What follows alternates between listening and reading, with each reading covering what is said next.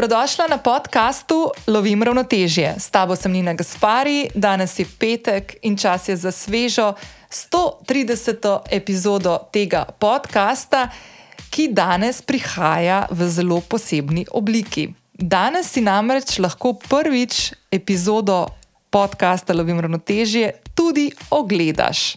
Prav si slišala, današnja epizoda prihaja tudi v video obliki. O tem malo kasneje. Današnja gostja je Barbie Završnik.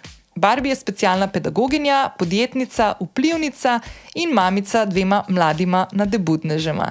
Barbie že dobri dve leti ustvarja krasno podjetniško zgodbo Pikarije, kjer na enem mestu prek spletnih tečajev staršem ponuja prostor za razvoj, podporo in znanje, odgovore na vprašanja in oporo pri popolnem razumevanju dojenčkov in otrok, njihovih potreb, vedenja, stisk, razmišljanj, razumevanj in prav vsega, kar starši potrebujejo za vzgajanje široko mislečih otrok.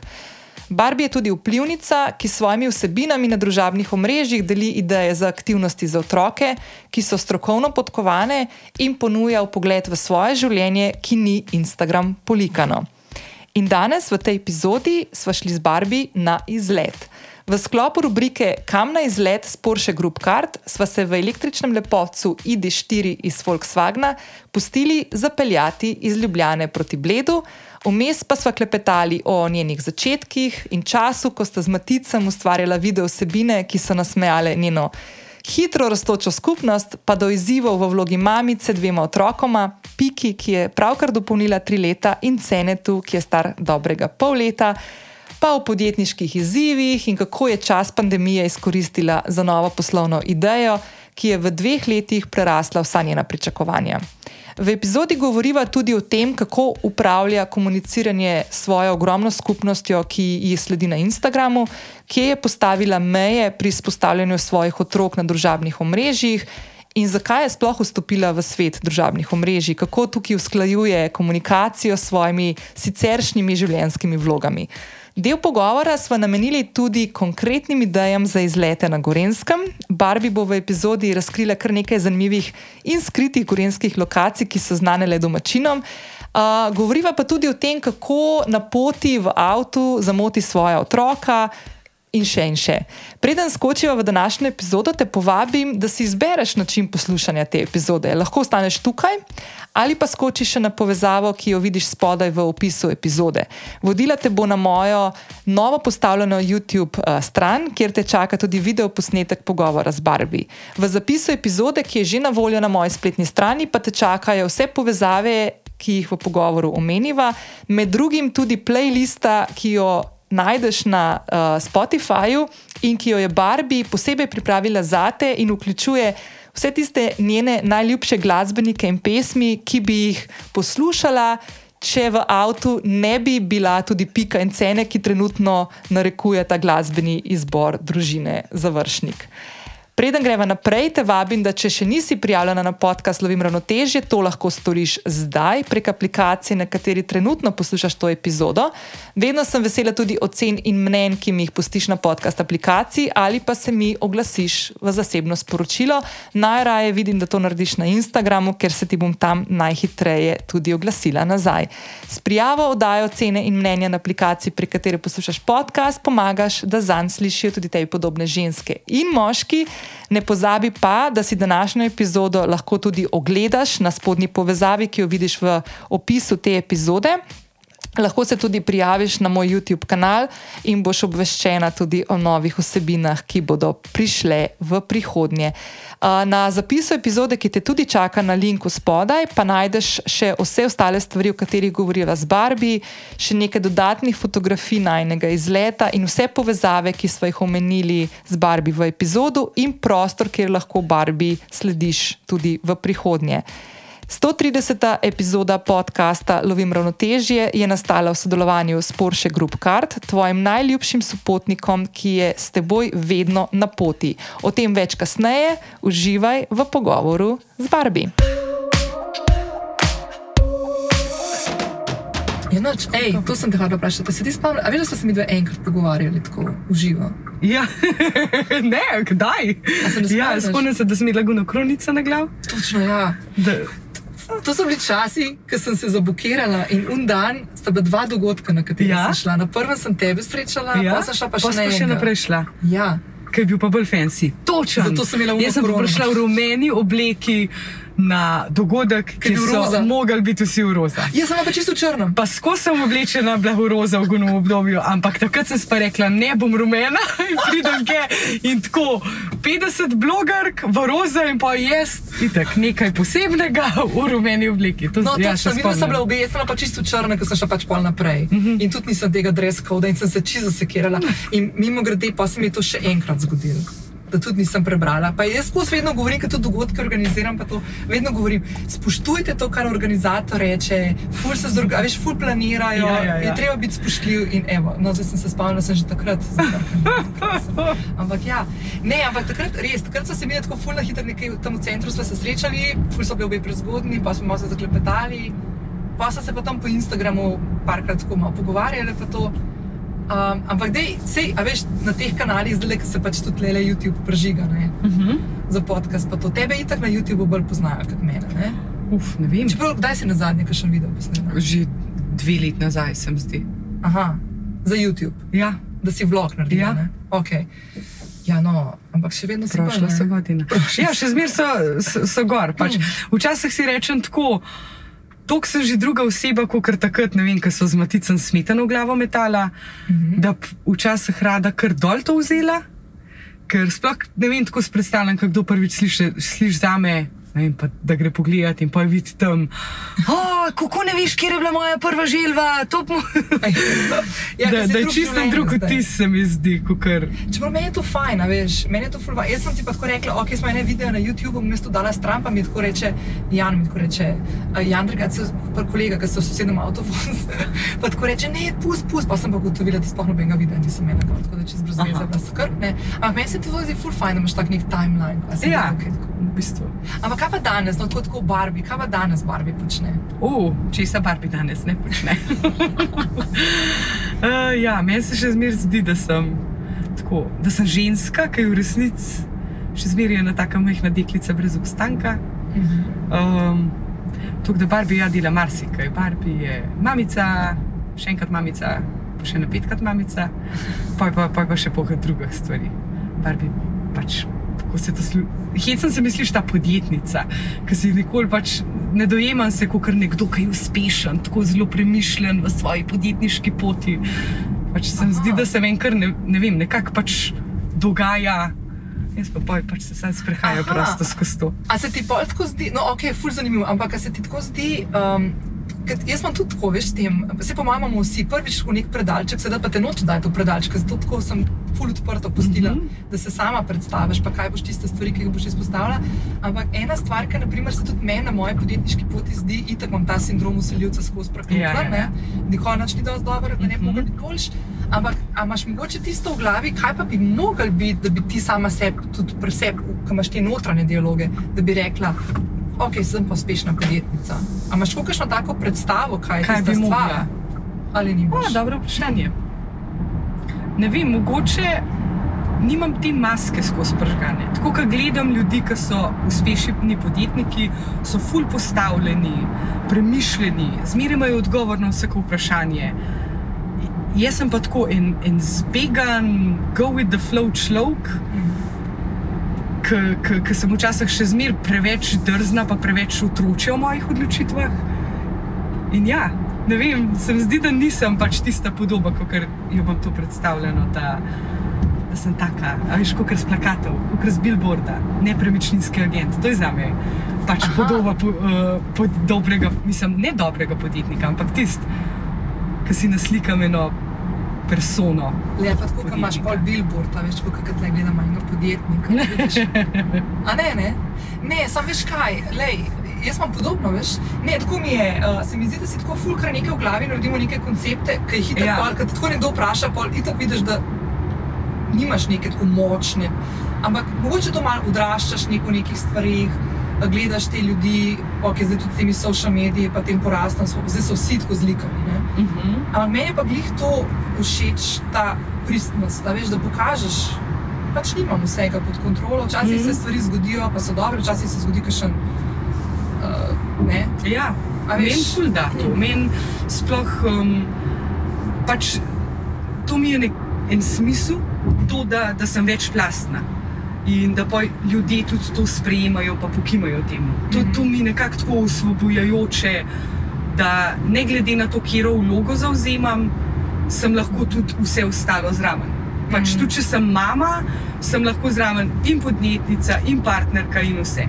Tudi, če sem podjetnica, pač pri, ni nič narobe, če bom prišla z eno pobruhano majico na nekam ne, tako. Mislim, Ja, ja. Vse vem, je, jaz sem z vasi, pa še zmeraj se zdi, da teh, uh, teh pravil ne bom nikoli imela tako dobro razvojenih. Ampak ja, jaz bi bila pripravljena priti tako s kupčkom mlekca na majici nekam podpisati na pogodbo. Jaz sem meni to glih pri tebi ful všeč. In veš, to tako, jaz, na primer, kad tebe sledim na Instagramu že ne vem, ful časa. Mhm. Pa mi je tako, veš, to teme, ki jih ti imaš, naprimer, so mogoče teme, ki meni na prvo žogo, ker nimam otročka, pa to, pa ker imaš ogromno teh stvari, se boš še prišel do tega, da boš Mhm. mm -hmm. kaj dodati, Dru- drugače to delaš, pa tako, uh, ker si še pred kamero, ne samo ne za vloge, ampak za druge stvari. Ja? Uh, ampak tako, veš, pa mi je ful zanimiv, ker naprimer, jaz sem se pa ogromno stvari ravno skozi te tvoje, um, predvsem story objave, mm -hmm. Mhm. naučila ali pa priučila, da zdaj, ko imam naprimer nečaka, Bresta, uh, ki je on je štiri leta, pa zdaj Mhm. star, ne? Glih nekaj tazga, kot tvoja pika, ne? Ja, Pika je bila pa tri, ja. No, mečka starejši je, ja. No, in a veš, in mi je ful dobro od tega, kakšne igrače, kako, kako ga, kako bi še čist mečkan, kako ga obrača tu na levo, desno. Ker moja sestra, na primer, je itak čisto to temo. Aha. A veš, čist ne. Jaz nikoli nisem na tle in jaz sem šla naprimer k tebi, doskrat in sem kakšno idejo dobila, ali pa ma, pri Maji, moji sestri, preverila, ej, jaz si to videla pri Barbie, ali pa je to igračo, ki je Barbie predlagala. Veš, se mi zdi tako full fine, ker res na en tak tvoj način, organski, prijeten, razlagaš stvari, ki ti povem jaz, ker naprimer nisem tvoja ciljna Mhm. uh -huh. publika, verjetno so mi full, full, full fine. Jaz sem meni, ne vem, jaz sem, jaz se imam za zelo dobrega pedagoga, pa retorika. Sploh tako, ko enkrat to driva strast. In jaz se v te stvari objave, običajno se ne oglašam tako premišljeno, hm, kaj bom pa danes posnela, ampak ki mi nekaj da, ki dobim en povod za to. In takrat se mi zdi, tako ko sem samo sebe malo zanalizirala, da pač men, kar mene ločuje nekako od drugih strokovnjakov, ker načeloma vsi govorimo isti jezik. Vsi predajamo iste informacije. Jaz nimam zdaj en, ene patentirane ideje o Mhm. otrokovem razvoju, pač to so splošne informacije, trenutna norma in vse, ampak se mi zdi, da nekako znam prevzeti to strast, pa pač flikant to ven na tak način, da, da zaradi tega me to hkrati Ja, tvoj poslušate, način no. pri, pripovedovanja in razlaganja je tisti, ki je tvoj Mhm. mm -hmm. in je tisti, ki je blizu. Se to je tako, kot jaz, veš, ko imam podcast, zdaj ima že tako en milijon, vsak ima že praktično mm -hmm. svoj Mhm. podcast, ampak zakaj pridejo ljudje mene poslušati, pa goste in gostje? Zato, ker imam jaz ta način, jaz tudi zelo serjam. Ja, ja. A veš, jaz tudi se zapletem, pa uno, pa levo, pa desno in si mislim včasih, tako, kva mi je tega treba. Ne? Ampak ja, smo taki, ne? Veš, smo krvavi pod kožo in ful se premalkrat o takih stvarih pogovarjamo. Ne? Naprimer, Ja. to, da, da si kritičen do sebe. Ali pa ful mi je bilo všeč, ko si zdaj rekla, jaz sem ful dobra pedagoginja, pa ful sem dobra v retoriki in je to res. Mhm. Ampak je ful fajn, ker tudi sama znaš izpostaviti. Veš, tudi kakšno dobro stvar, ker to smo Mhm. ženske ponovadi tako malo ja. da bomo vse prej slabo videli. Ampak ja. Uh, ej, preden greva, se bom stavila na kavici. Ne? Um, da mi povej še, um, a veš, kam greva danes? Ti veš, ja. v tvoje konce greva. Ja. ne? Okay, greva na Bled, Aha. ki je tako malo klišejska destinacija, sicer, ampak jaz sem ful vesela, meni je Bled ful drag. In po mojem je to ena od treh mojih najljubših sprehajalnih poti Okay. okrog jezera. Ful mi je všeč, ful mi je tako optimalna razdalja. Aha. Ja, to pa, pa krožna pot je. Ful. In polka se bomo ustavili po kavi, bomo malo več govorili, tudi malo to, pa tam kar za kakšen skrit kotiček vprašala tam Okej. okay. ni nujno sam bled, bled. Tako da še mogoče malo to povzameva, zato da bodo lahko poslušalke, poslušalci, ja. gledalke in gledalci v teh zapisih, ki jih bomo pripravili uh, in pri Porsche Group Cardu in pri, mo- pri meni, da bodo lahko še kakšno stvar, za kakšen namig dobili, mm -hmm. da ne bomo vsi se skozi srečevali, pa tam objezdili. Ker iskreno, Bled je zadnja destinacija, ki bi je šla na izlet. Iskreno. Mislim, Ker si tam full bliz, ne? Ti že malo tako. ja, jaz nasploh nisem oseba gneče, Aha. niti prej, niti zdaj. Zdaj mogoče malo manj, ker ratam tesnobno, pač itak me ljudje prepoznajo. Pa se pa to običajno dosta akord pogledi, tako da bi ne vejo, bi kaj rekel, ali ne bi rekel. ali- Pa pa jaz tudi ne vem, a gledate, pozdravite, ali bo to zgledal tako hm, samo všečen, kao, o, živijo, živijo, ja, ja, živijo. A veš. In ma- res rada izbiram tiste um, neobljudene destinacije. A, okej, In jih okej. imamo v našem koncu ogromno. No, da best. Z veseljem. Pa pa, ful dobro. Ej, to so se mi takrat pogovarjali, tri leta nazaj. Ja? Točno to, kar si zdaj omenila. Da si se mati takrat umaknila, zato ker si imela vsega veliko. Ja, Po mojem, takrat je bila pika glih en let stara, ali pa glih tam Kaj da, ja. tik pred. tik ne? pred, ker še ni bilo koronice. Ne? Ja, to je bilo 2019. Ja. No, in a veš, kaj me zanima? Ker jaz imam isto stvar, samo veš, kaj pri meni, mene po glasu spoznajo. Ja, mene tudi zdaj. Smešen. Ampak a te, a ti je tako zoperen, če, če ne pristopi pol? Ker meni je, na primer, ful lepo, če nekdo pride do mene pa pristopi pa, pa mi reče. Ej, poslušam podcast, ful mi je Ja. fajn, ker jaz imam problem takrat, ker me nekdo tako naprimer, opazuje, pa pozdravlja, ali pa živijo, živijo in tako, da se poznamo, in pol jaz ne vem, kdo ta oseba je. Mhm. In pa imam občutek, da imam že malo Alzheimer. A veš, ko res mi je tako in se mi to res dosti zgodi. Tako da, ful vedno tako rada pridite, pozdravite z veseljem, poklepetam. Ja, jaz imam rada tisti, če odločen pristop, sploh če Ja. mi človek reče, živijo Barbi, ne poznaš me, ampak ta, ta, ta, ta, ta, Ja, ta, ta. ja, ja. Da, da, ne vem, mi je lažje zaplavati po jugu. Aha. Um, jaz sem sicer že odprej, še preden sem začela, sploh z vlogi, pa Instagramom, pa to. Uh, in mečkam, ne vem, kako se temu reče, socialne fobije. Pač nikoli nisem uživala v pač spotlightu v smislu gneče. Uh, rada imam potrditev strani ljudi, obvisli, na Instagramu seveda, Ja. ja. skrivali te psihoanalitike, ampak ne maram pa um, pač gneče, pa gled. Vse vem, da je tako malo uh, kontradiktorno vse skupaj. Tako da zdaj mi je pa še malo mal težje, ne vem, na kakšen festival čokolade v Radovcu. Po mojem, da zadnja stvar, ki se je lotila. Kar pa ne pomeni, da ne maram, da ljudje do mene pristopijo, ker pa sem na en način ekstrovert. In imam rada te, sam ta small talk, awkward pogled, ki noben od pač dveh akterjev ne ve, kako se zelo to te zadevšne, tisti tis me malo spravlja v stisko. Uh, drugač pa ja, zmeri še kdo, ki je tako pristopil do mene, pa začel klepetati. Ali prej, ko so bili samo vlogi, ali zdaj, ko so pač tudi bolj strokovne tematike, se zmeraj razvije taka dobra debata, da Mislim, ful so zlata vredne take stvari Ja. na koncu. A, Jaz sem kontra, veš, jaz sem pa tako ful ekstrovertirana, ful imam rada gužvo. A res? Ja, mislim, sem imela, tako da jim rečem. Imela sem ful rada gužvo. Um, naprimer, odprta kuhinja, Ja, ja, se ja. začela, jaz Sem tam rada. Jaz sem šla enkrat. No, vidiš, tukaj sem videl ful različni, ampak ne. Um, sem pa zdaj, ne, po mojem, tudi malo z leti, uh -huh, pa definitivno je zdaj šlo na steroide s COVID-om. uh -huh. da uh, sem pa tako ratala mal. Ne vem, zdaj na primer opažam, da se tako malo stvari odpirajo, mislim, že fajn odpirajo. No? Da mi naprimer, ni prijetno iti nekam, kjer je veliko ljudi v Mhm. zaprtem prostoru. Ja. Oziroma, tako vse grem, ampak imam skozi presep ta nuka notranja uh, čekiranja, pa to, da ne pretiravi, zakaj si zdaj tako obremenjena, vse je Mhm. kul, cool, pretiravaš pa to. A veš, te, te, neke te samogovore imam. No? Mhm. In me tudi malo tako, no, zmot. Ful so začele dobre debate, pa težke, jaz mislim, da moramo iti na kafe. Na kove tako. Gremo na kafe, če zdaj najdem parking. En. A jaz si po mojem sešla, jaz, aha, ne se tle je parking. Podpornik rubrike Kam na izlet je Porsche Group Card, tvoj najljubši sopotnik, ki je posod s teboj na poti. Preden se odpraviš na pot ali pa ko si že na njej, lahko v mobilni aplikaciji ali pa na njihovi spletni strani preveriš vse aktualne ugodnosti, ki so ti kot imetnici oziroma imetniku kartice PGC na voljo na poti. Ugodnosti in vsebine se nenehno osvežujejo in dopolnjujejo, najdeš pa jih v praktično vseh kotičkih Slovenije. Midve z Barbi sva se tako na poti na Bled ustavili na počivališču Marše Voklo in popili kavico. Koristili sva 10-odstotni popust, ki ti je s PGC kartico na voljo vse leto in to na vseh Maršejevih počivališčih v Sloveniji. Ker so se z Barbi peljali v električnem lepotcu ID4 iz Volkswagna, sva lahko vmes vozilo tudi polnili na postaji Mooncharge. Kartico Mooncharge, s katero napolniš električno vozilo na eni od Mooncharge postaj, lahko pridobite vsi imetniki PGC kartice. In mimo grede, zelo enostavno in hitro opravili smo kar medtem, ko smo pili kavo. In kot zanimivost, uh, do Bleda smo našteli vsaj 10 polnilnic za električna vozila. V zapisu epizode te čaka še povezava, ki te bo vodila na spletno mesto PGC ter njihov Instagram profil. Tam si lahko brezplačno urediš svojo PGC kartico, ugodnosti in preveriš kakšen članek, ki vključuje dodatne ideje za izlete in koriščenje ugodnosti na Gorenskem. Pa še fin Instagram profil imajo. Nič, zdaj se pa vrniva v pogovor z Barbi in nadaljujeva pot proti Bledu. A greva? Greva. Čakaj, ej, kje sva, veš, kje smo mi ostali prej, če se jaz prav spomnim?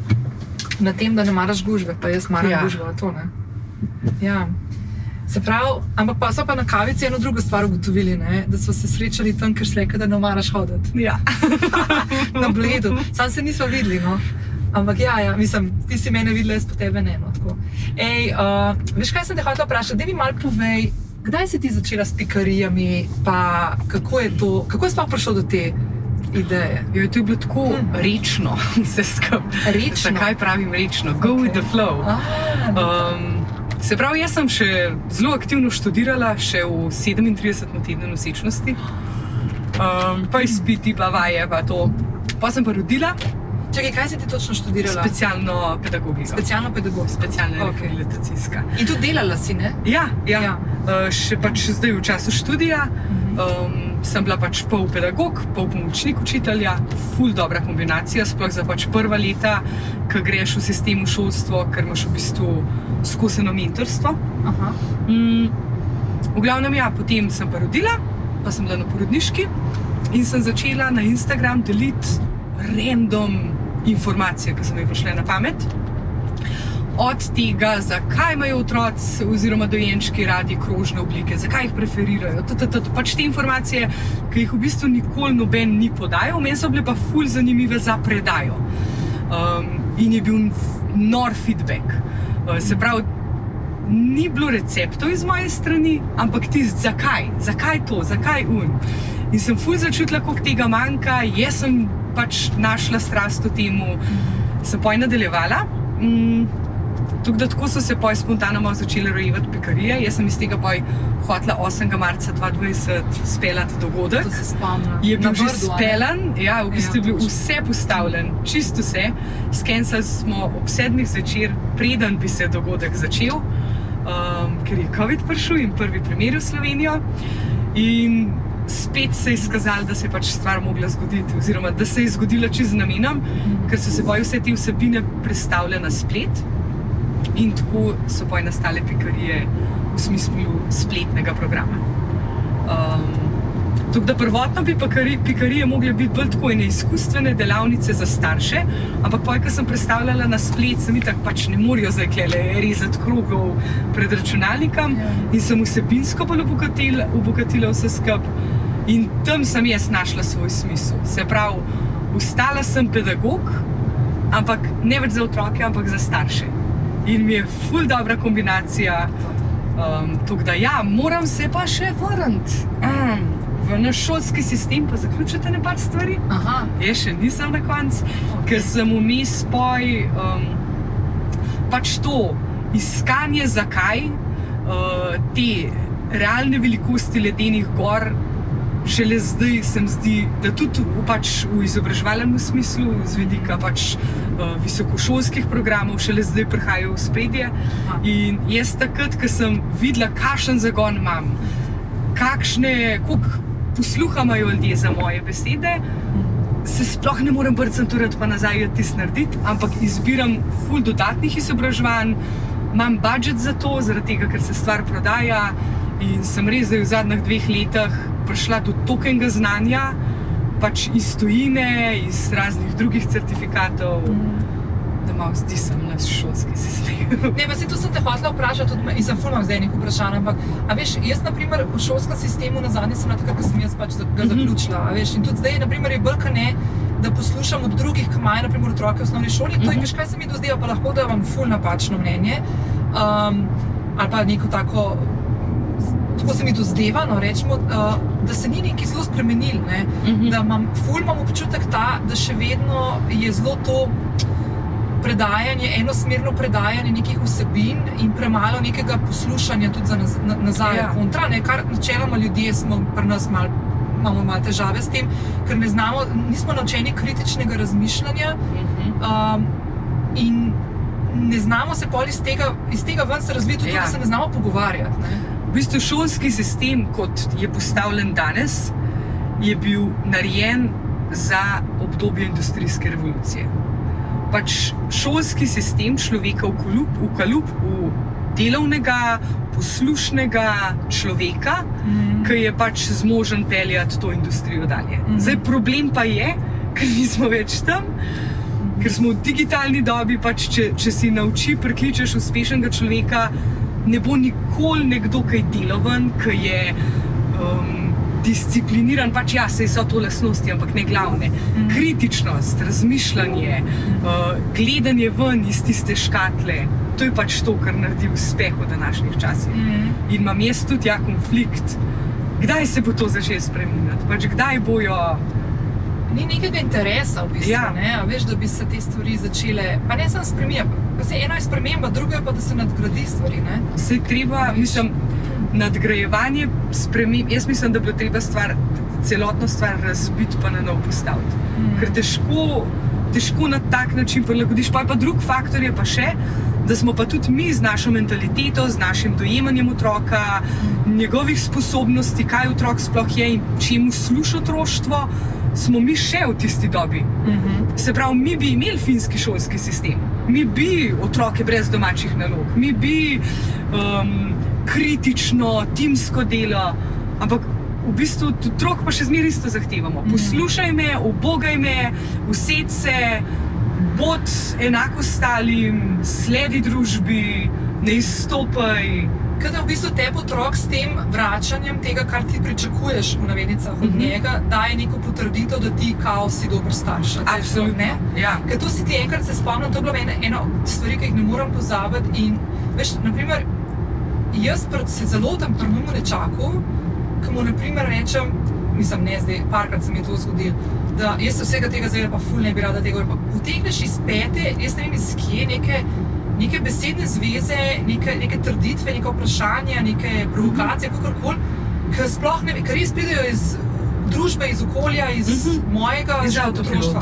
Ja. In reče tako, ja, kaj pa tako velik fanci, pa še pa kar jokaš. A Veš, Mhm. mislim, ker sem mislila tako, wow, ker sem se ustavila na koncu te zadnje besede, a veš, nisem jih Mhm. spregovorila do konca, ker sem videla, kako je to narobe. Ne?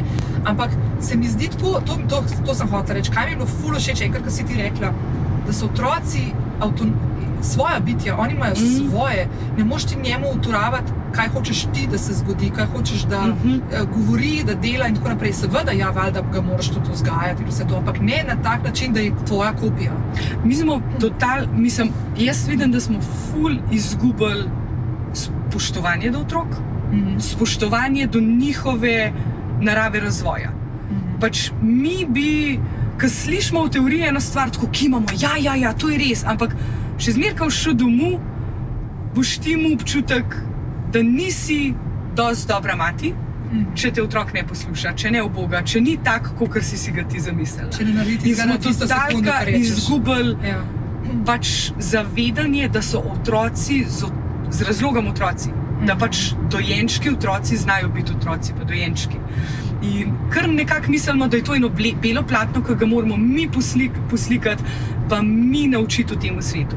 Mi otroka ne učimo življenja na način, da mu govorimo, kako živeti, ampak na način, da mi živimo življenje tako, kot želimo, da bi ga. A, a veš, ni, da bi ti zdaj rada lepe prehranske navade vz- privzgojila otroku.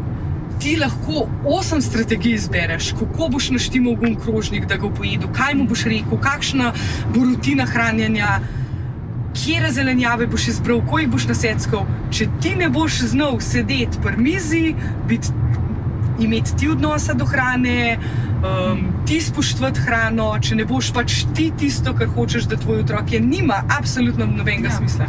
In mi smo generacija besed, predajanja, monologov in ne gre, ne, ne, nas ne pripelje prav daleč. Ja. Um, ti zdaj, veš, kaj mi je fur zanimivo? Ena stvar, se spomnim, pol tudi ti, pol, ko si prvo porodniško zaključovala, če se zdaj prav spomnim, kako je šla ta dinamika, si se Mhm. odločila, da ne bo šla več v zaposlitev, ki se je umela. a ne? Ja, Okay. In kako si ti, um, da mi povej, ker to niso lahke odločitve. Ne? Mislim, prvo kot prvo iti na neko podjetniško pot samostojno, ima svoje, ima svoje strahove, izzive in tako naprej. Druga stvar je, da si bila ti, konec koncev, mlada mamica z otročkom, par mesecev starim, ne, oziroma eno leto starim, ne, kar je po mojem še dodatno pol tudi neka ta ne, občutek, kako bom zdaj to zapeljala. In to me zanima, kako si tle, s kakšnimi strahovi si se srečala, pa kako si jih mogoče premagovala. Pa druga točka, ki si prej omenila, to, kako si, si ti najprej zastavila to svojo podjetniško pot ne, uh -huh. z dogodki. In kako si pol ta klik naredila, da si šla online? Ker takrat se je to veliko ljudi pol. Ja. Tudi jaz sem bila ena od tistih, ki sem na spletno trgovino takrat. Uh -huh. Kako si to zapeljala, pa tudi kako si se pol prilagodila temu uh, izzivu, tudi vsebino? Meni je bil ta korak, se mi zdi, da je tako najbolj zaznamoval mene kot osebo, ki sem zdaj ker sem. Prej sem ti povedala na kavi, da sem pač tako res človek impulzivnih, nepremišljenih odločitev. Uh -huh. Jaz sem imel blazno dober, skompenziran ADHD, ampak klemi pa bude van, kle se pa vidi. Jaz, ful, včasih, ko dobim kakšno dobro idejo, se tis na film spogumam, imam to, bo, če ne drugam, šla pa za dve leti pač krofe prodajati.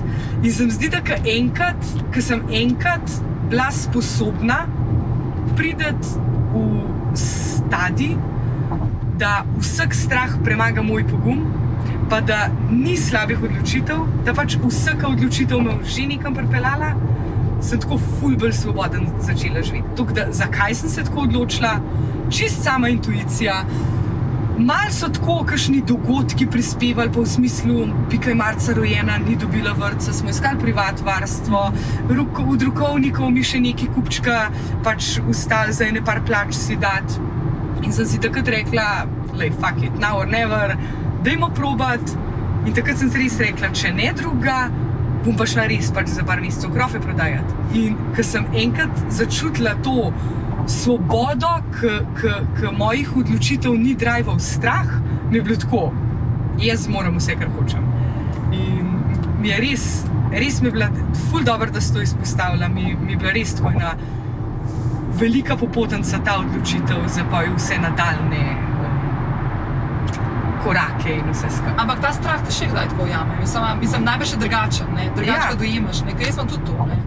Meni je super, Jaz sem zdaj že 11 let, se mi zdi fajn, imam kakšne momente, tako da se mi zdi, da da se mi več, če kar nekomu službo smo spočili. Čeprav vse službe niso zato, da se tam ljudje počivajo, se štekam, ampak ja, pač ja. imaš tako mal, že malo tako predpostavko, da si že toliko časa ven iz tega. Ja. Ampak uh, jaz imam isto foro, s tem, da je pa ena stvar res. Ne? Jaz sem pa ene tri leta, malo potem, ko smo se mi pol videli, uh mhm. -huh. prvič jeseni 2019, sem ta svoj zakaj mal definirala prvič v življenju. In je meni potegnili ven to, da če hočem slediti temu svojemu novo odkritemu poslanstvu, bom mogla sprejeti odločitve, ki sem že vedela, da me čakajo sicer. Um, ampak jih bom res mogla, bom res mogla to narediti, ker sem se ful časa odločala, uh -huh. da bi nehala z enimi, deli, stvar, uh, z enimi projekti, ki sem jih delala že leta in leta ali ne. ne. In, naprimer, kaj se meni zgodilo?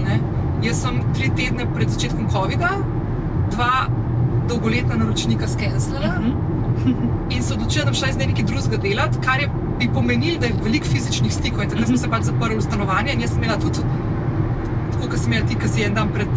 Prej je dogodek skenirala, no, jaz nisem bila en dan, malo dlje časa, ampak veš, kaj je bilo ful zmes, to sem že fulkrat govorila. Ampak ena stvar, ki mi je bila ful zanimiva in zlata vredna, in se ful premalo o teh stvarih pogovarjamo, da ti pri sebi odkriješ nek smisel. Uh mhm. -huh valjda imaš strahove, valjda te uh, ne veš, ali boš lahko zapeljal, uh, imaš neke interne monologe, se kriviš, vse te stvari. Ampak po drugi strani imaš pa neko mirnost v sebi, zato ker ti tvoja intuicija skozi, če jo znaš slišati, skozi sporoča, kul je na pravi poti. Ja.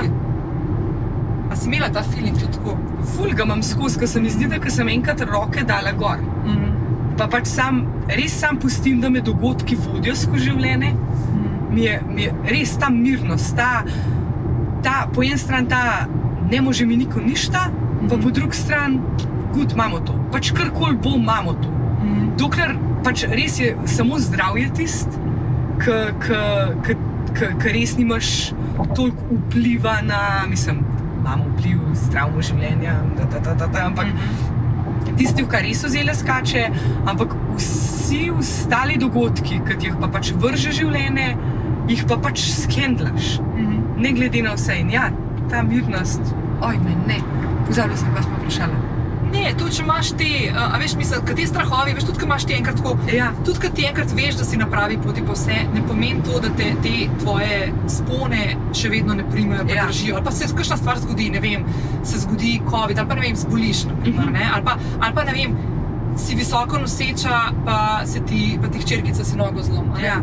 No, a veš, pa imaš take neke stvari, na katere ne moreš vplivati in se moraš prilagoditi. In so Mhm. grozne situacije, ampak se mi zdi, da v življenju se naučiš.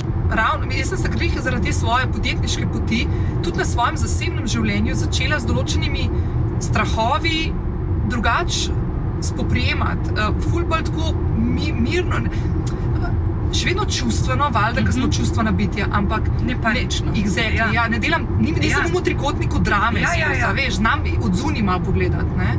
Uh, ali pa si dati še en dan za premislek, ker nič se ne bo danes, a veš, če sta nobena juha se ne Poje- poje ja, ja, ja. ne, kot se skuha. Ne. Tako, ta, ta mentaliteta, nekaj ful drži, ampak je pa treba tako nekako do tega, do tega priti Mhm. in se zavedati tega. Ne. Veš, to mi je Mhm. ful fajn, ker tako delaš neke take samorefleksije vmes. ne. Mhm. A veš. Ej, um, prej si rekla tako, da nimaš neke strategije na Instagramu. Ne, Ja. ja. A nimaš?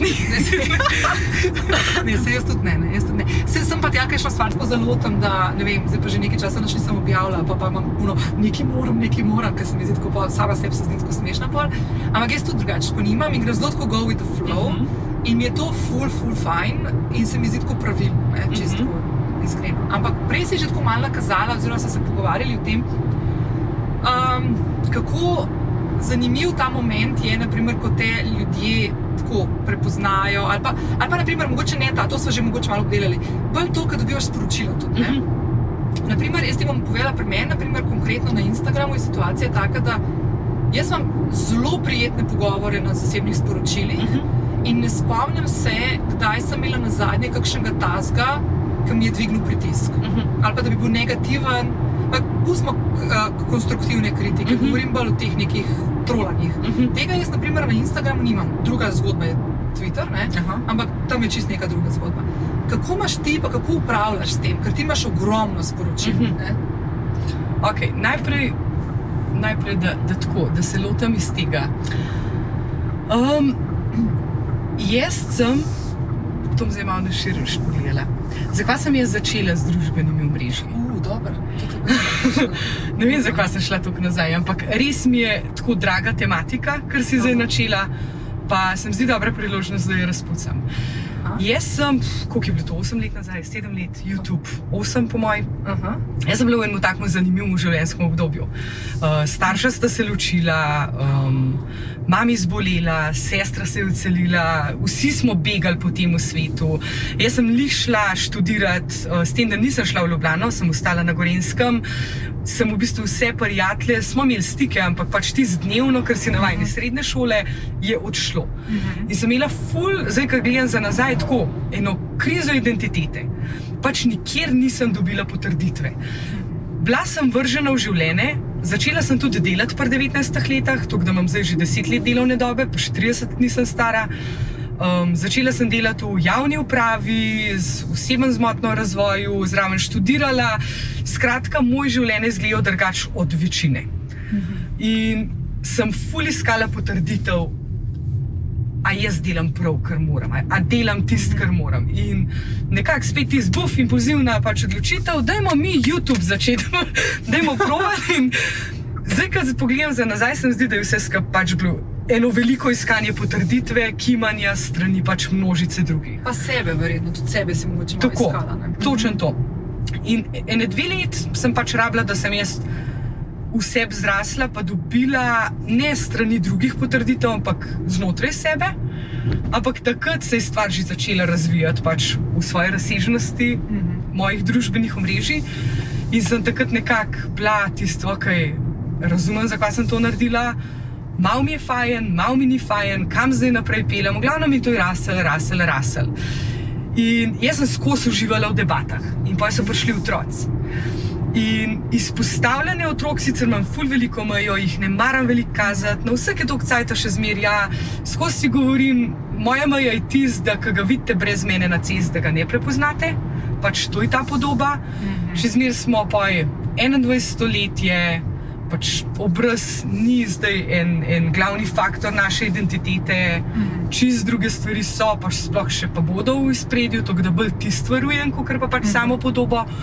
Ampak ja, je pa pripeljal do tega in sem si poj nekako rekla, ok, sem v timu, izpostavljam sebe, svojo družino, moram imeti jebeno dobro korist od tega. Mhm. Tako da meni je družina na, zdaj smo pa počasi bomo prišli do odgovora.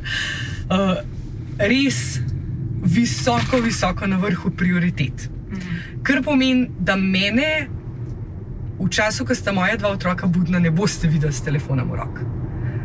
Moj screen time je urco pa pol dve na dan, mora biti. Še to je 80% ob večerjih.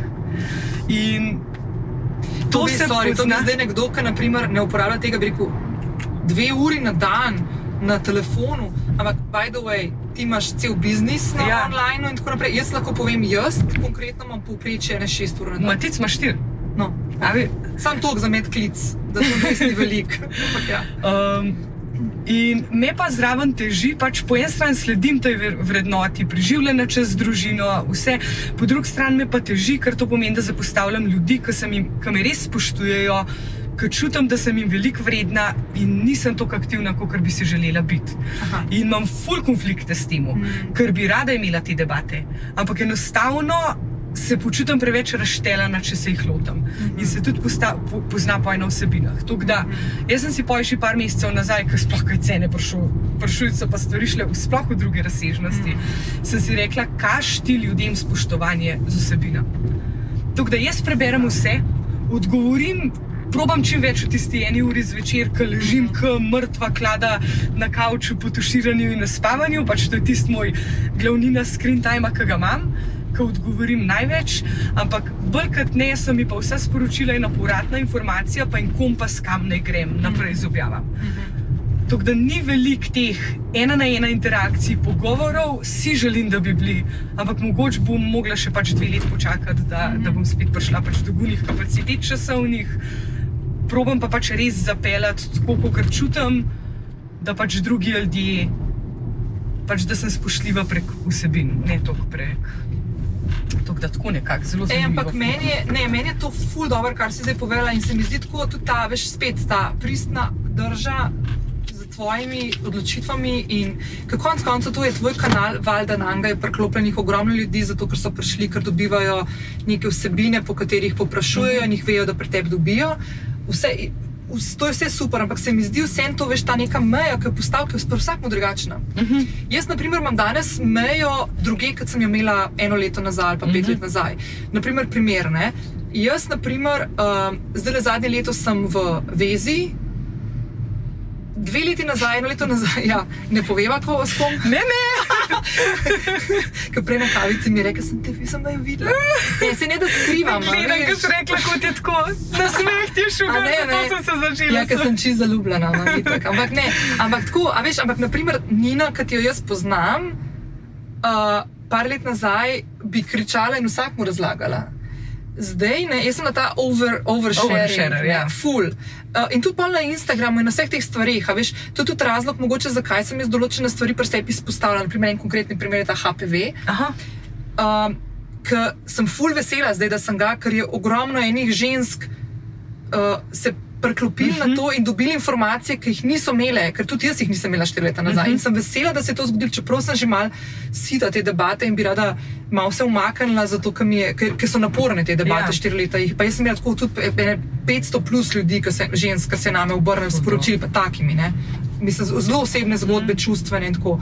Ampak kaj se hoče povedati? da Ful, ful smo različni, to je ena stvar, druga stvar se pa ti spremenjaš skozi čas. Uh -huh. A veš, in jaz danes, meni je tako super, da ne govorim o tem, kdo je moj partner, čeprav se tako že ve, ampak dobro, nima veze. Mhm. Ne govorim o tem, zato ker mi je tako drago, mi je, da imam občutek, da noben ne ve, da je to samo moja stvar. Ja. A ti veš, da se jaz napišem završnik? Res. Res. Pa, ja, ne bomo zdaj povedali. Ne, ne, ampak spravo še se nik si bilo, Y print. Top. Ja, Hudo. ne, zdaj. Ne, ne, ne pove, da, ni. Ne, ne, ne, ne, ne. Ampak ful dobra fora. Ja, pač, um, kakšna stvar je tako fleten, se pač.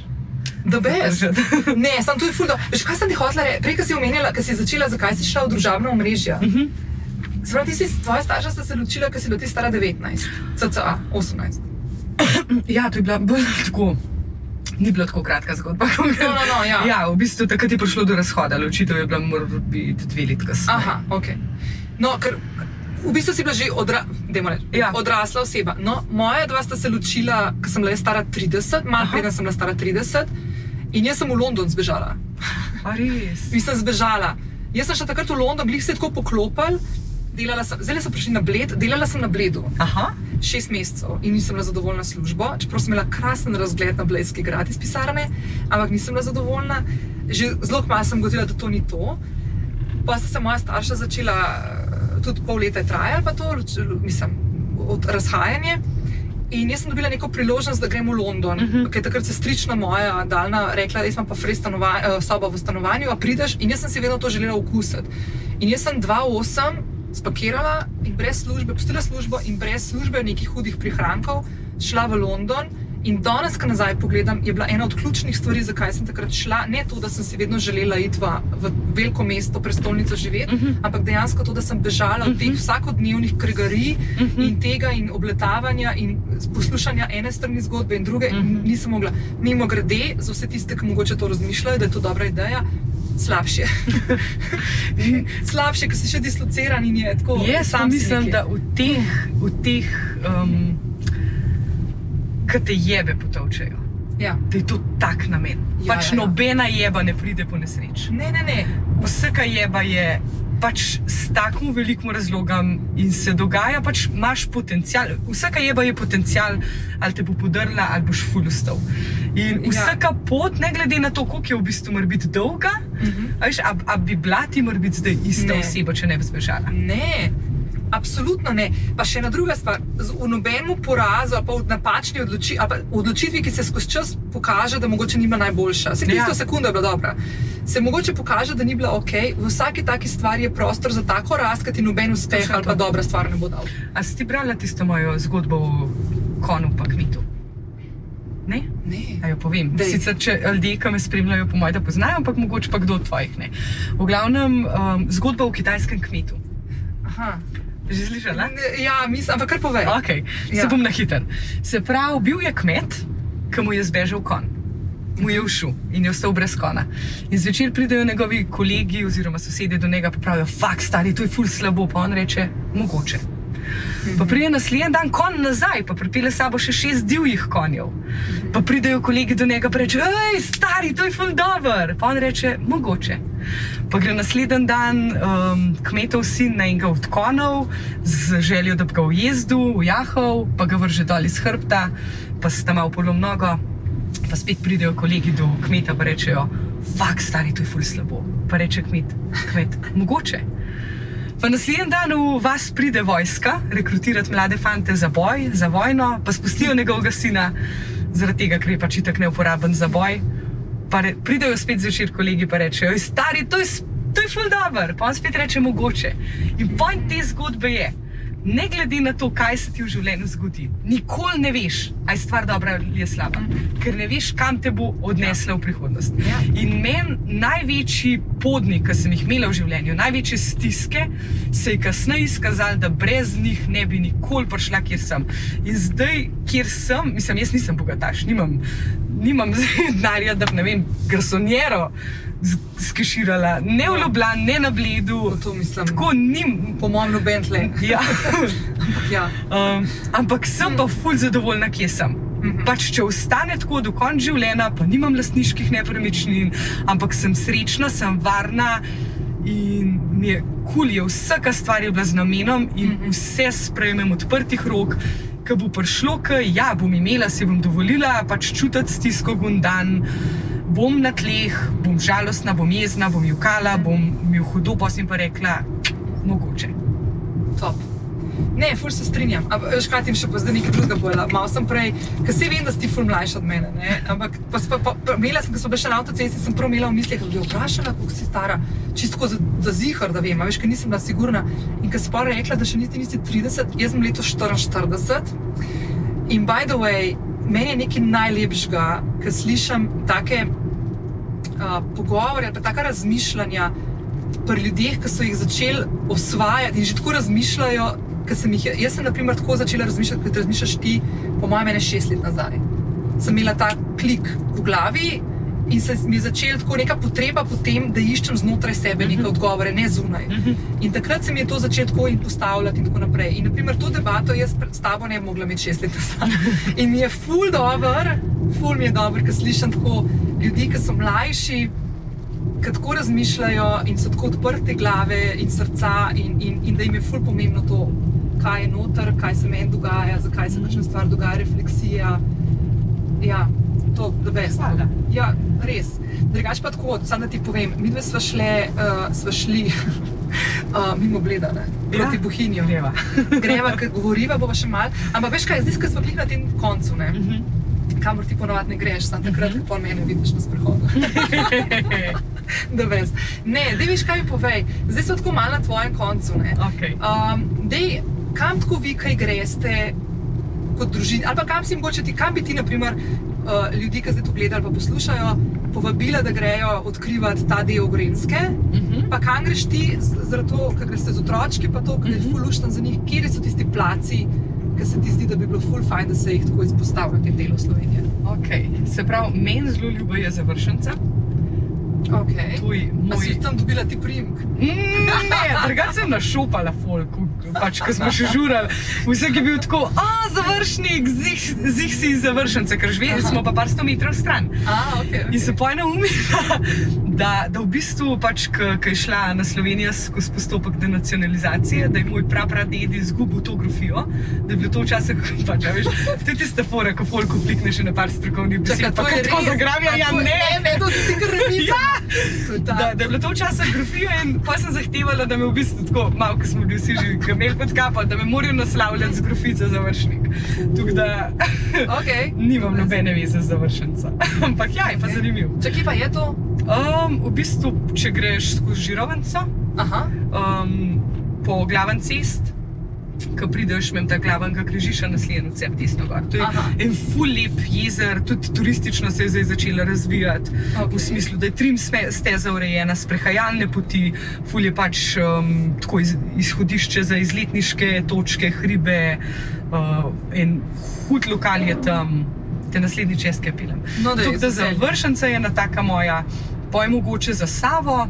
Aha, Um, za Savo, ker so kamni in če imaš otroke, veš, oh. kva kamni to naredijo, pač Ja, par konc. ur gmaha. Pa mi je kakšen jamank dober, to je, to je en tak. Uh, Ja, To sem bila pa pred kratkim na cerkvici. Ja, ja, ja. Se drugače vidi, ko iz avtoceste, ki greš proti Bledu. ja, ja. No, Od mi imamo tako gor, ne? hišo, da v bistvu iz balkona se pač Res? vidi sam hribček, pa ta jamank. Tako da me skozi kliče, jamank je fajn, kaj še kaj taka. Mhm, Klele v okolici. Ej, jaz si bila tam gor, aj, kaj, ma- neka mamutova pot. Tam pri. Brdu, to ne veš. Ej, to sem jaz videla, ker ker so bile te občine zaprte, pa Ja. to veš.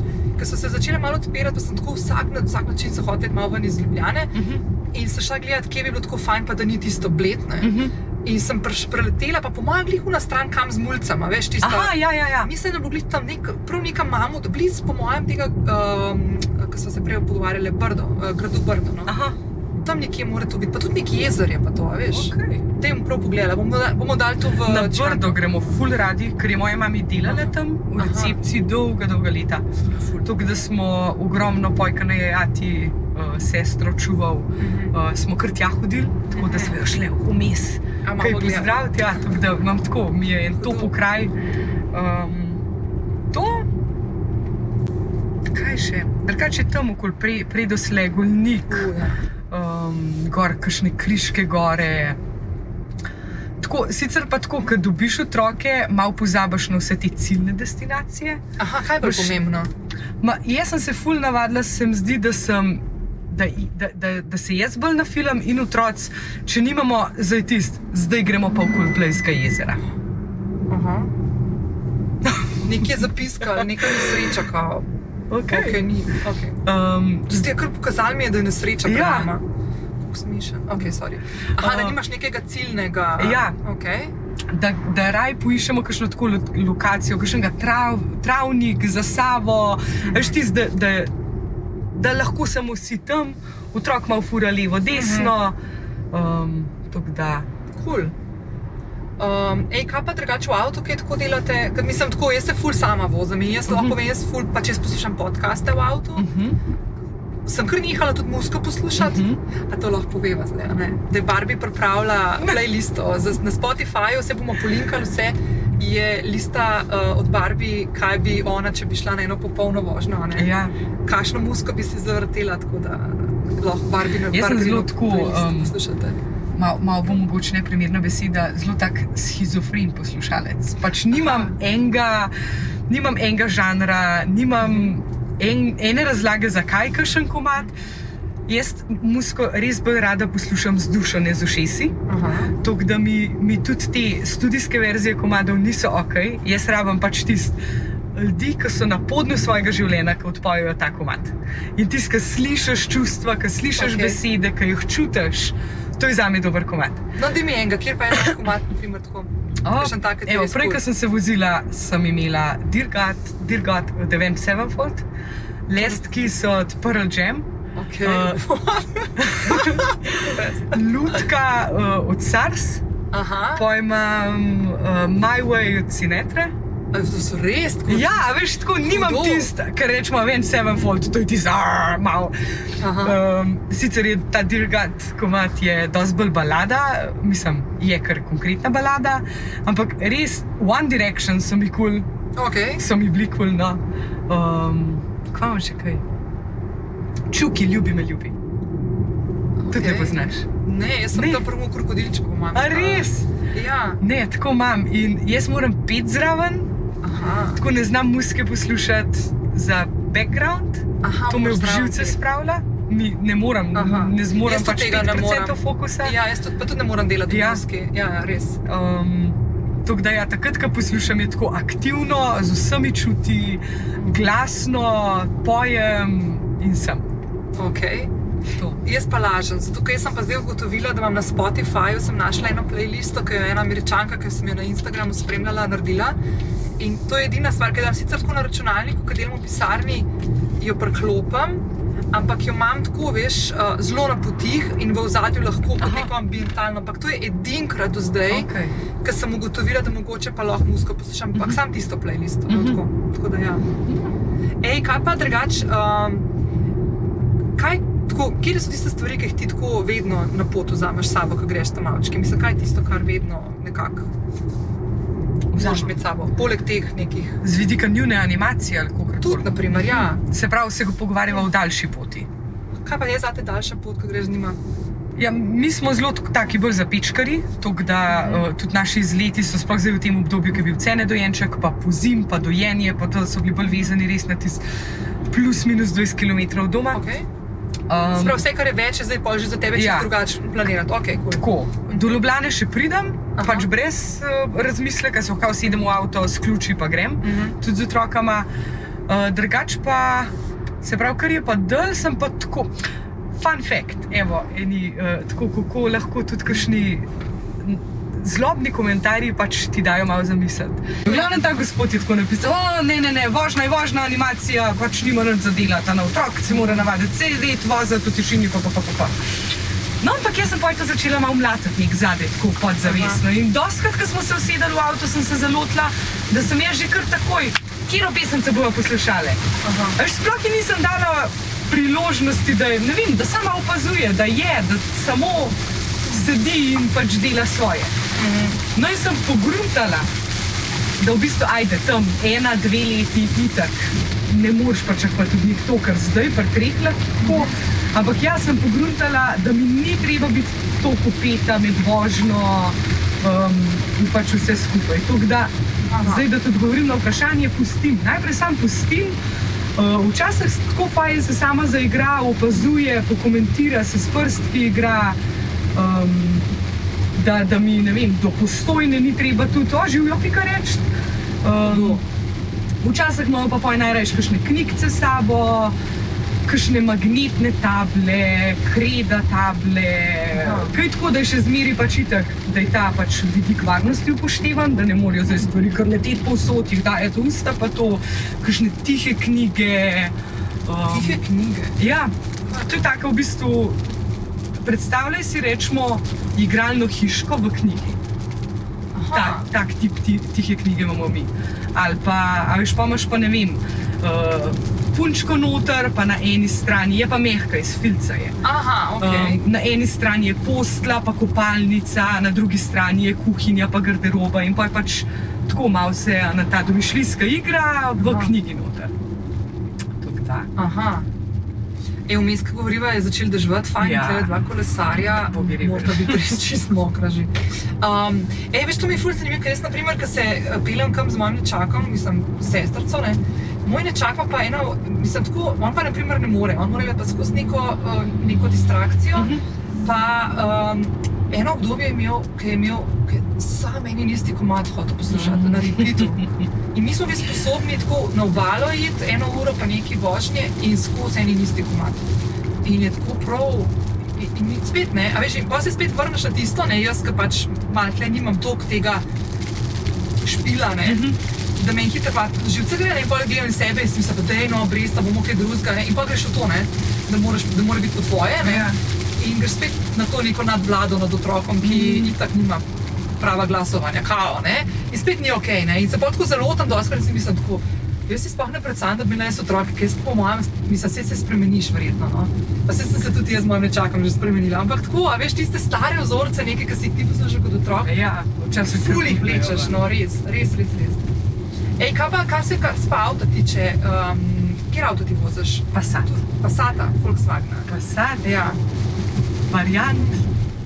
Ej, ampak, no, Zdaj gledam se krati, da da je. to, to, to.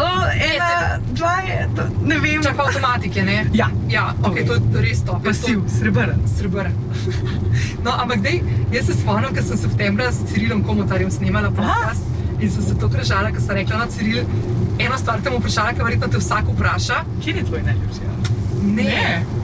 Ne, ampak sem ga vprašala, kaj je prva stvar, ki jo v avtu pogleda, kaj mora avto imeti. Ker, naprimer, okay. jaz, ki sem šla zadnji avto zbirati, sem šla k mojemu mehaniku Jožetu, uh Mhm. -huh. ki je drugač uh, grobar na žalah. Aha. Uh, in sem mu rekla, Jože, iščem nov avto, hočem, da je črn, lahko mogoče je siv ali pa bel, najslabše je bil. Uh, pa ful bi rada, da ima res dobre zvočnike, pa tak, r- tak uh, mislim, tale, da lahko preklopim svoj telefon, pa da poslušam podcaste. Pa to. In to je bila pač moja, kaj hočem imeti, ne? pa ceno, koliko dokaj. Ne? In sem rekel, kaj pa tisto, ki ti. In ni, je rekel tudi, da mu je, kaj, čak, pa je že rekel, kam je pomemben, je tudi kako se noter usede. No? Nisem ga vprašal, kje je njegov avto, ker itak ima on en avto, ki ga on vozi, pa ima Ja, pa ja. fulejnih, ki jih testira. Ne? Ampak ja. Kaj imaš pa ti tisto stvar, kar avto mora imeti? Bluetooth. Drugač, ful, pač, ko smo se s Porschejem dogovarjali, uh, Porsche Interauto dogovarjali, pač glede, kjer ga vozila, so oni rekli, a imate kakšno željo? In jaz rečem, ja, res bi Bluetooth imela. In ko ni meni gledajo. In tako, ja, to je to. To In vsi ker tako sem jaz dobila avto, dohka pojem, dohka audio knjige poslušam, dohka pač avto je moj trenutek človečnosti. Jaz priznam, da si tekom dneva težko vzamem te momente. Um, ampak, ko pa kam grem, mi je pa to to in sem res tako sem vesela za ta best. Ej, ampak a veš, da ko smo se pogovarjali, da te povabim na ta izlet. ne? Jaz ti ne vem, če sem, se sem ti malo omenila, ampak jaz sem imela tako ful problem. Zato, ker sem v glavi, že ko smo se pogovarjali, da bomo Barbie povabili, ja, Barbie bi bila full fine, the best. Pa sem rekla, le, ampak Barbie ima dojenčka. Zdaj moramo mi to tako naplanirati. Ne? Ona ima verjetno tako dve urice časa. Uh, v glavnem, jaz sem na tako en kontrol freak, kot da sem jaz ti, a veš, tako ful, vse tako pazi, zdaj kako to. In pa res te pokličem, tako se bomo tako ful, pa zdaj tako, pa ne bomo šli daleč, pa to. In ti tako, ne, jaz bi ful rada šla. Ja, pel me. Komod prijemo v Ljubljano, komod greva kamorkoli. V Ljubljani sem tako prav, sem si mislila tako, ok, le, dej spust. Ja. ne človek pove sam, ne, tako da ja, veš. Ej, ampak, ok, se pravi, Bluetooth mora imeti, Ja. pa kaj pa je tista stvar, a, mislim, tako, a je še kakšna taka zadeva, tako, ker naprimer vi kakam greste, uh, ali pa ne vem kako, kaj uporabljaš, ko greste, a uporabljaš Google Maps, ali daš, a imaš, itak imaš to navigacijo tudi Ja. avtu? Ok. Kaj Ja. A uporabljaš kaj to? Greš pismo, drugače sem Mm. ful navajena na telefonu, da si ga pač ne, no? uh, da si ga postavim Aha. tam. Pač, kar se tiče tako dodatne opreme avtomobila, če me sprašuješ, zdaj, ko sem odkrila ta svet um, izven, pač, jaz sem prej vozila res take, pa, veš, tiste lepače avtočke. Ja. Um, in zdaj ta funkcija, da meni ni treba ključe imeti v avto, zato da ja, odklenem avto, to. mind blowing. Aha, da Da jaz, da veš, v en roko kalupince, v drug rok piko držim, Aha. pod pajsko previjalno torbo in da stopam zraven avto in da se ti podklene, sem tako. Kdor je to pogruntal? Najboljši. Ja, ja, ja. Tako da doskrat sploh ne vem, ki imam ključe, tako vem, da so neko torbico, pa pa zguno torbico okoli avta maham. Ta funkcija. Mm, Kako smo nezahtevne? Ja. Ja. Rekel, da smo ženske ful zahtevne, jaz to ne razumem. Ker zdaj si v bistvu, v bistvu si re, če tako zdaj te ven vlečem iz tebe, ampak okay. Bluetooth ne, Ja. je bil ta prvi. In v bistvu Ja. ja. to praktično vse. Ok, zdaj še ključe, ki veš, da je ja. pač ta opcija. Pa pa že ne več. Pa, pa ne, je Matic bil tako, uh, pa turbina, pa to, pa um, pa tretje. Meni tudi to ni. Pa Meni to prostor, ni. no, prostor, prostor me pa doskrat reše, res. Aha, da imaš ful je na krava, da je krava. No, sej, ampak veš kaj, zdaj, ko se vozimo v električnem. Le, naprimer, ful zanimiv. Šle smo iz Ljubljane, pa smo imeli, ker sem bila pa zdaj ful tako napsihirana, koliko časa bo se lahko sploh vozili. Ne? In zdaj vidim, da smo imeli vem, 360 range, ne se pravi možnost, da naredimo 300. Zdaj le smo praktično prišli skoraj do Bohinjskega jezera in imamo še 307. No, Do v bistvu, kam še greva? do morja. do morja. Ne, veš, kaj sem te hotela še vprašati? Uh, se bo zdaj na bledu in tako ustavili, ampak hotela sem te vprašati, um, kje, ker kljub vsemu, ne, um, z vsemi stvarmi, ki jih delaš, pa prej si rekel, da nimaš strategije, pa da tiste stvari, ki se ti tako tekom dneva zgodijo, jih pa nekako zapelješ tudi v objave, ki jih pripravljaš, oziroma ki jih objaviš. Ampak kje pa, naprimer, navdih črpaš v življenju? Ker navdih pa moraš imeti neko kreativnost, da te spodbuja vse in da pripraviš nekaj. Dobro vprašanje. Nimam odgovora na to. Tako da bi okay. prav črpala, da bi rekla, nekaj je moja muza. Mhm. Vse ne rabi, mislim, se lahko je tudi, ga nimaš, veš, odgovora. Čisto- Res nimam, res Ja. bi mogla en cajt gruntati, kaj je moj navdih. Pač moj, ne vem. Ne vem, res okay. ne znam odgovoriti. Cool. Kaj pa, um, a imaš tako kakšne rutine v življenju, tako, mislim, da zdaj boš šamar, da, ker verjetno imaš vsak dan drugačen, a ne? A, ok, zvečer si rekla, un ta downtime, time, ki ga imaš, pa da mogoče Ja. kakšno stvar pogledaš na telefonu. Ampak je kakšna taka stvar, ki si jo tako probaš, pa je tako nek tisti trenutek zate, vsak dan je tukšna kavica, ali kaj takega. Jaz ful ne maram rutin. Okay. Jaz sovražam avtopilot. Jaz sovražam, mislim, sovražam. Ne, ne maram, da so stvari predvidljive. Moji možgani imajo radi pač tako, bolj adrenalin. Tako, se, se mi zdi, da tudi ful lažji, ful lepši, ful boljši, ful bolj kreativno funkcioniram v tem. Tudi otrok, otroci moji nimajo težav s tem. Zdaj nismo mi r, eni razposajeni hipi, ki hodimo mm. -hmm. spat ob 11. zvečer. Um, Sej, kdo začne kopati, imam rutine, pač kopati v moj ritem dneva, ugotovi, da imam rutine, ampak res tudi, če so jih ne maram delati na avtopilotu, v smislu, stanem, skuham kavo, pripravim to, to, to, to, to, to, to, to. Pač si rada včasih malo popestrim vse skupaj. Um, ja, itak imam pa rada kakšne stvari tako malo, da so stalnica, pa kava. Moj, da je ta kava. Kava. kava. Okay. Ej, se mimo grede, jaz sem včasih tako ful zelo v tej rutini. Jaz sem imela dve uri jutranjo rutino, ki mi je ful odgovarjala. Ne, da sem jo vsak dan naredila, ampak takrat, ko sem pa jo, mi je bilo pa ful fajn. Pa sem, na primer, jaz mnenje, kar se mene tiče, meni je super, da neko rutinco imam, Uh -huh. ne pa da sem ujetnik tega. Ja. A Veš, jaz imam tudi kakšno obdobje, definitivno poletja so taka premen. Ups, uh, poletja so taka premen, ki mi razpade rutina. Pa zdaj le že dve leti, odkar je ta COVID bil, pa to. Uh, sem čisto padla iz te rutine. Tako da je trenutno, naprimer, ne morem reči, da nekaj tako imam. Mhm. Zdaj sem si neke smutije začela spet delati po full dolgem času, da si Aha. naredim nek tak zelen smuti zjutraj, ki mi full sede. Drugače pa v bistvu nimam no, tega, tudi jaz ne. Pa mi, kar, pa mi kar odgovarja, čeprav vem, da bi bilo fino, da se mal tudi kakšne stvari malo popredalčkam. Ja, ja, ampak ja. ne pa neki nasilo. Vse je fajn, meni se zdi rutina idealna za takrat, ko si v enem tistem območju življenja, ki kar malo težko dihaš, Ja.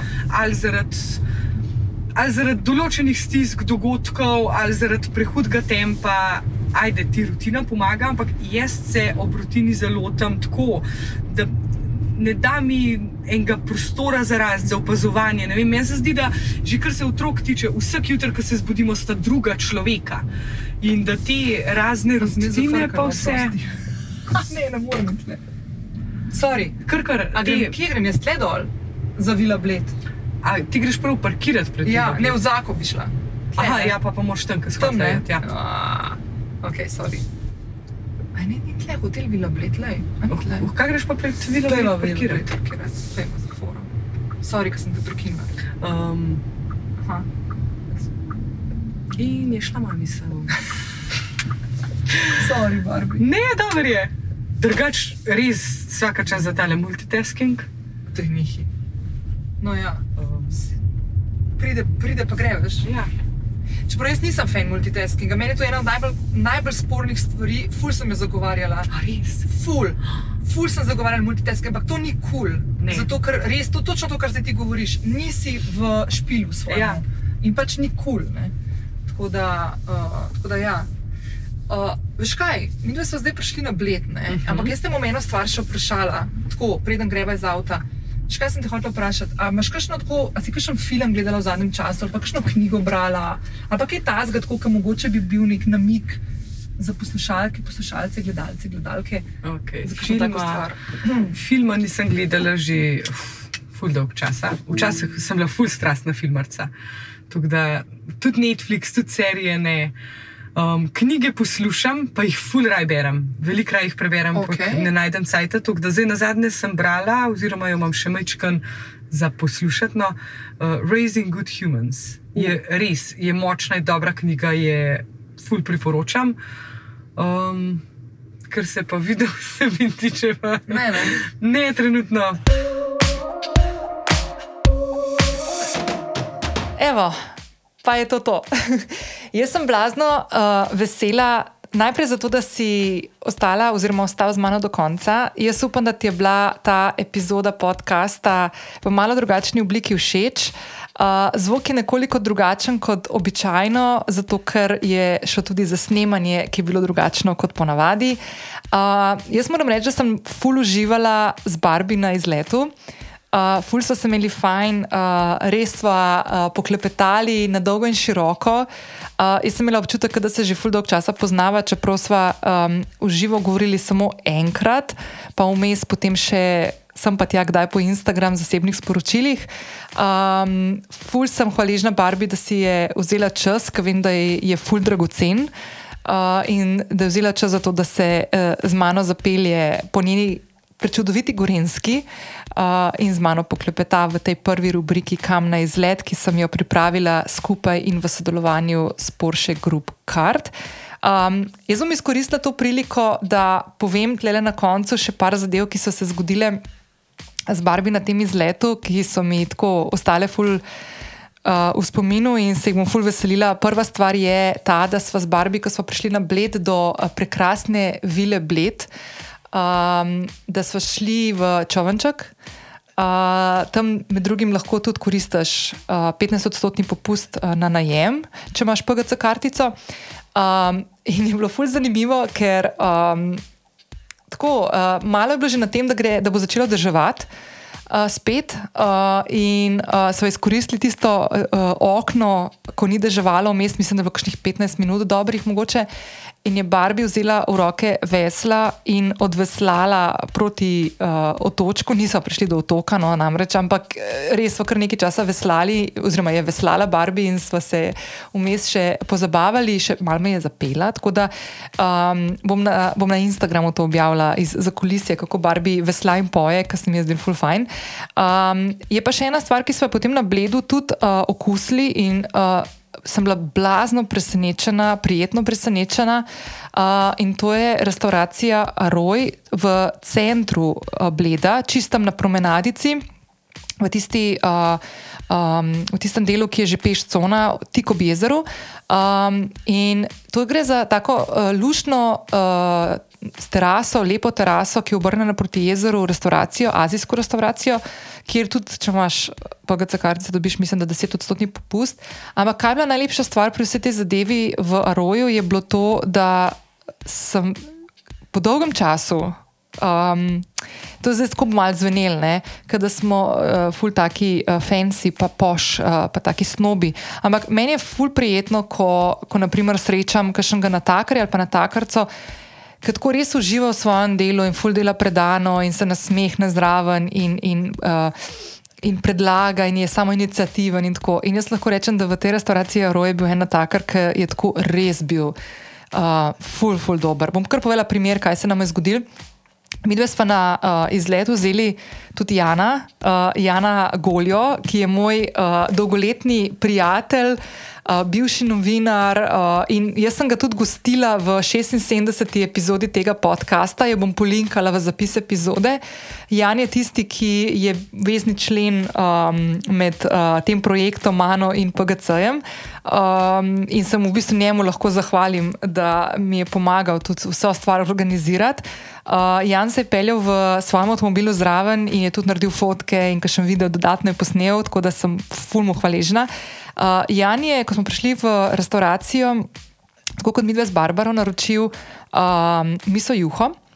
Uh, Jan je pa veganec ne? in uh, je vprašal na takarja, sej to je vegansko. In jaz sem takrat zelo pametno rekla, valjda Jan, uh, miso juha je veganska, to je narejeno iz miso paste, to je sojna, ne, fermentirana pač uh, pasta japonska. Uh, in sem prepričana, da je to veganska stvar. In takrat, ko je prišel nazaj, je prišel samo z dvema miso juhcama. In je rekel, tako ful prijazno, da mu ni dalo miru in da je še enkrat vprašal kuharja, ki je bil japonski, da uh, če lahko preveri, če je res to vegansko. In dejansko miso juha ni bila veganska, je bila narejena na ribi osnovi. In je tako za enega tazga človeka, ki naprimer, se prehranjuje po nekem režimu, kot ima naprimer Jan, je taka stvar zelo dobrodošla. Ne? In jaz sem bila ful, ful vesela in z Janom sva še potem še enkrat na bled. Zato, ker smo par stvari takrat, ker je ravno začelo deževati, nisem mogla narediti in sva se še enkrat ustavila tudi v Aroji restauraciji, da sem jaz takrat izkoristila priliko. Pa še enkrat se zahvala temu natakarju, ki je bil res tako uh, full fine. Pa se full upravičujem, ker sem pozabila vprašati, kako mu je ime, drugače bi ga tudi poimenovala. Um, tako da ja, jaz sem res še enkrat full, full, full globoko hvaležna za to priložnost, full se veselim prihajajočih uh, tudi video podcastov. Um, je pa tako, da uh, bi rada to še mogoče čist na koncu uh, izkoristila. No, da, um, jaz sem si v letošnjem letu zadala to, da se premaknem tudi na video vsebine. Pa mogoče to zveni tako zelo, oh, kaj pa je to kitajska, se vidi, pa zdaj že vsak danes dela. Um, ni čistko, meni ni panike biti pred kamero. Jaz sem reže tako skoraj 20 let, v, tudi v medijskem svetu delujem. Um, se počutim skoraj enako pred kamero kot za kamero, čeprav veliko lažje, lažje in, in raje sem za kamero, pa pazem, da stvari potekajo tako, kot je treba, kot pred kamero. Um, ampak mi ni panike, je pa res, da, uh, da gre za to nek tak premik iz cone obdobja in jaz moram reči, da sem neskončno vznemirjena. Uh, ful sem komi čakala, da speljemo ta prvi projekt uh, s PGC-jem, uh, ampak sem bila pa tudi neskončno živčna, uh, ker se mi zdi to tako, čisto iz vidika tega, da sodeluješ z nekim podjetjem, ki ti da zaupanje. Uh, uh, in se zaobljubiš, da boš kakovostno speljal stvari, je en del, ta drugi del je pa še to, da sem si fulž želela, da tudi vi ki poslušate uh, podcast uh, Lovim ravnoteže že dve leti in pol, dobite še neko dodatno vsebino in da bo res to speljano tako, kot je treba.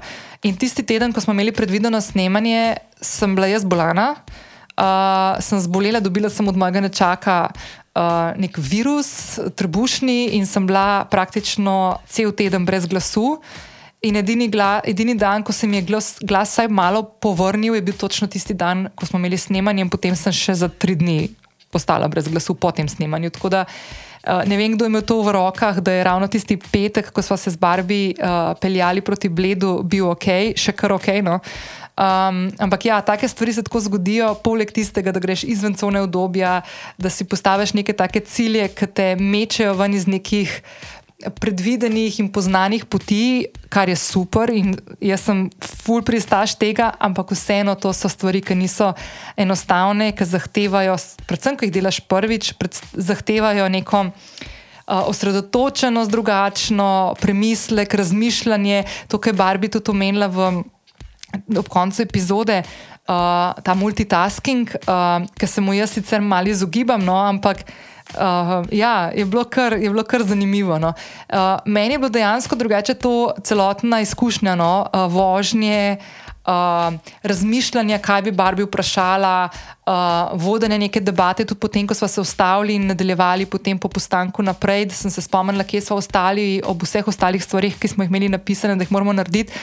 Mi je bilo enostavno, kot sem mislila, da mi bo. No. Uh, ampak absolutno je tukaj še en kup enih stvari, ki bi jih, v, uh, če bi imela priložnost, da jih še enkrat dodatno mogoče malo izpostavila, bo pa to gotovo prilika v kakšni drugi, uh, v kakšni drugi epizodi uh, še z novimi in zanimivimi sogovornicami in sogovorniki in se jaz tega res ful veselim. Tako da uh, jaz sem ti hvaležna, da si ostala oziroma ostal z mano do konca. Če mogoče poznaš um, koga, ki. Uh, rad posluša podkaste, ampak jih mora zraven imeti prižgane v video obliki, lahko poveš, da zdaj lahko lovim ravnotežje to epizodo tudi vidi. Uh, ne samo da posluša, uh, tako da ti bom fulh hvaležna, če boš uh, epizodo delil oziroma delila tudi naprej po svojih kanalih. Vedno se mi lahko oglasiš. Um, kamorkoli na mojih kanalih, najraje vidim na Instagramu, zato takrat res eh, lahko lažje odgovorim, ponavadi se oglasim kar z zvočnim sporočilom nazaj. Uh, tako da tudi lahko vidite, da to jaz delam, da se jaz oglašam nazaj vsake od vas in vsakemu od vas. um, pa vabim te, da skočiš um, in na mojo spletno stran, kjer te čaka zapis epizode še z dodatnimi vsebincami, ki jih nisem druge uh, objavila, pa vsemi povezavami do YouTube, do videa, tam, ki se nahaja, do strani Porsche Group Carda, kjer si lahko tudi ti narediš kartico ugodnosti PGC in se zapelješ po Sloveniji iščeš tiste gudije, uh, ugodnosti in vsebine, ki se nenehno dopolnjujejo na njihovi spletni strani. Uh, hvala še enkrat, uh, se slišimo prihodnji petek, do takrat pa lepo se majte, uživajte v teh. Skoraj da že dišeče poletnih dneh uh, in uh, se majte full fine. Ciao!